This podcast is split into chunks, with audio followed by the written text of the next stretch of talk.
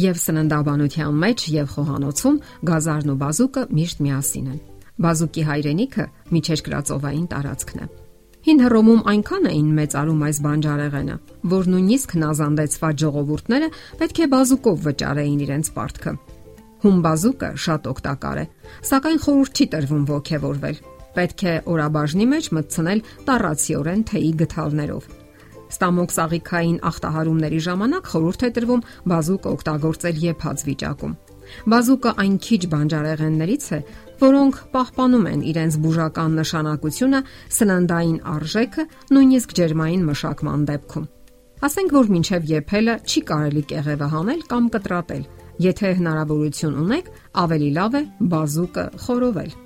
Անհնար է թվարկել, թե որքան տկարություններ է բուժում բազուկը այն բարելավում է մարսողությունը, ստամոքսաղիքային համակարգի գործառույթները,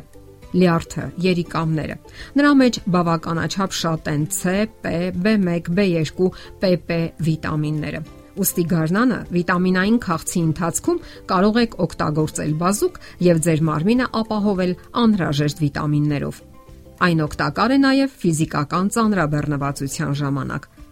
Բազուկի հյութը հարուստ է յոդի մեծ քանակով Նյարդային ծանրաբեռնվածության եւ սթրեսների ժամանակ բազուկը կարգավորում է նյարդամկանային լարվածությունը իր մեջ պարունակվող մագնիումի մեծ քանակի շնորհիվ։ Բազուկը կարգավորում է նաև արյան ճնշումը, կանխում անոթներում թրոմբների առաջացումը։ Բազուկի մեջ կատարելապես համակցված են կալիումն ու կալցիումը, ինչն էլ ապահովում է սիրտանոթային համակարգի նորմալ գործունեությունը։ Բազուկի մեջ առանձնահատուկ է կոբալտի դերը, առանց որի մարմնում չի առաջանում B12 վիտամինը, որը արյան ստեղծման հիմնական խթանիչն է։ Այս բոլոր միկրոտարերից բացի բազուկը պարունակում է ֆոսֆոր, նատրիում, քլոր, մանգան, ծծումբ եւ այլն։ Բազուկի մեջ հայտնաբերվել է նաև վիտամին U, որը բուժում է ստամոքսի եւ 12 մատնյա աղու խոցը, Բազուկն ունի նաև հակաալերգիկ ազդեցություն։ Բազուկի մեջ գտել են նաև եզակի մի նյութ՝ բետային։ Գերմանացի գիտնականների տվյալներով այս նյութը բջիջի մեջ մեծացնում է շնչառական գործընթացները։ Բազուկի մեջ առանձնահատուկ տեղ ունեն նաև պեկտինները։ Ջրի եւ օրգանական թթուների արկայության պայմաններում սրանք կարող են ստեղծել սպունգանման զանգված, որը գրգռում է աղիների շարժումը։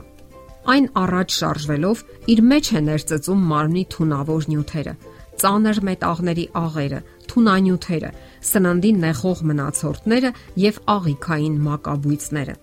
Բազուկն ունի եւս մեկ արժանիք։ Մյուս բանջարեղենների համեմատ ավելի երկար է պահպանում իր սննդային նյութերը, համարյա մինչև նոր բերքը։ Բազուկի տերևներն ու արմատները եւս արժեքավոր են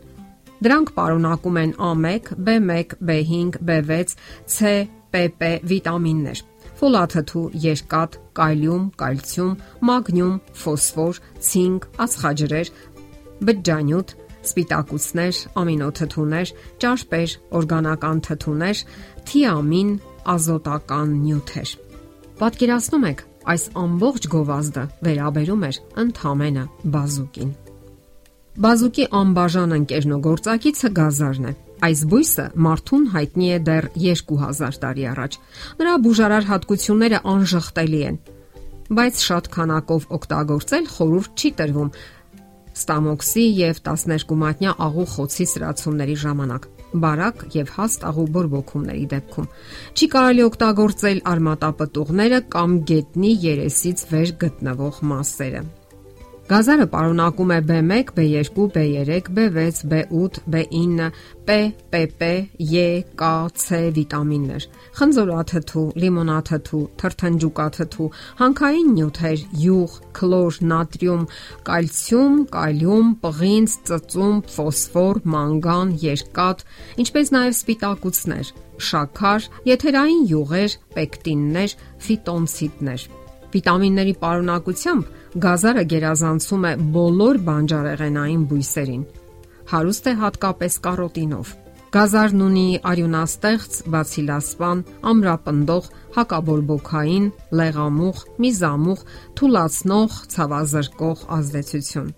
Գազարն օգտագործում են նաև գերհոգնածության, ախորժակի բացակայության, ստամոք սաղիքային հիվանդությունների դեպքում։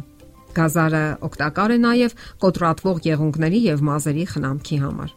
Գազարի թարմ կամացյութը ամենալավ միջոցն է մրսածության դեմ։ Դրանով պետք է մի քանի րոպե ողողել կոկորտը։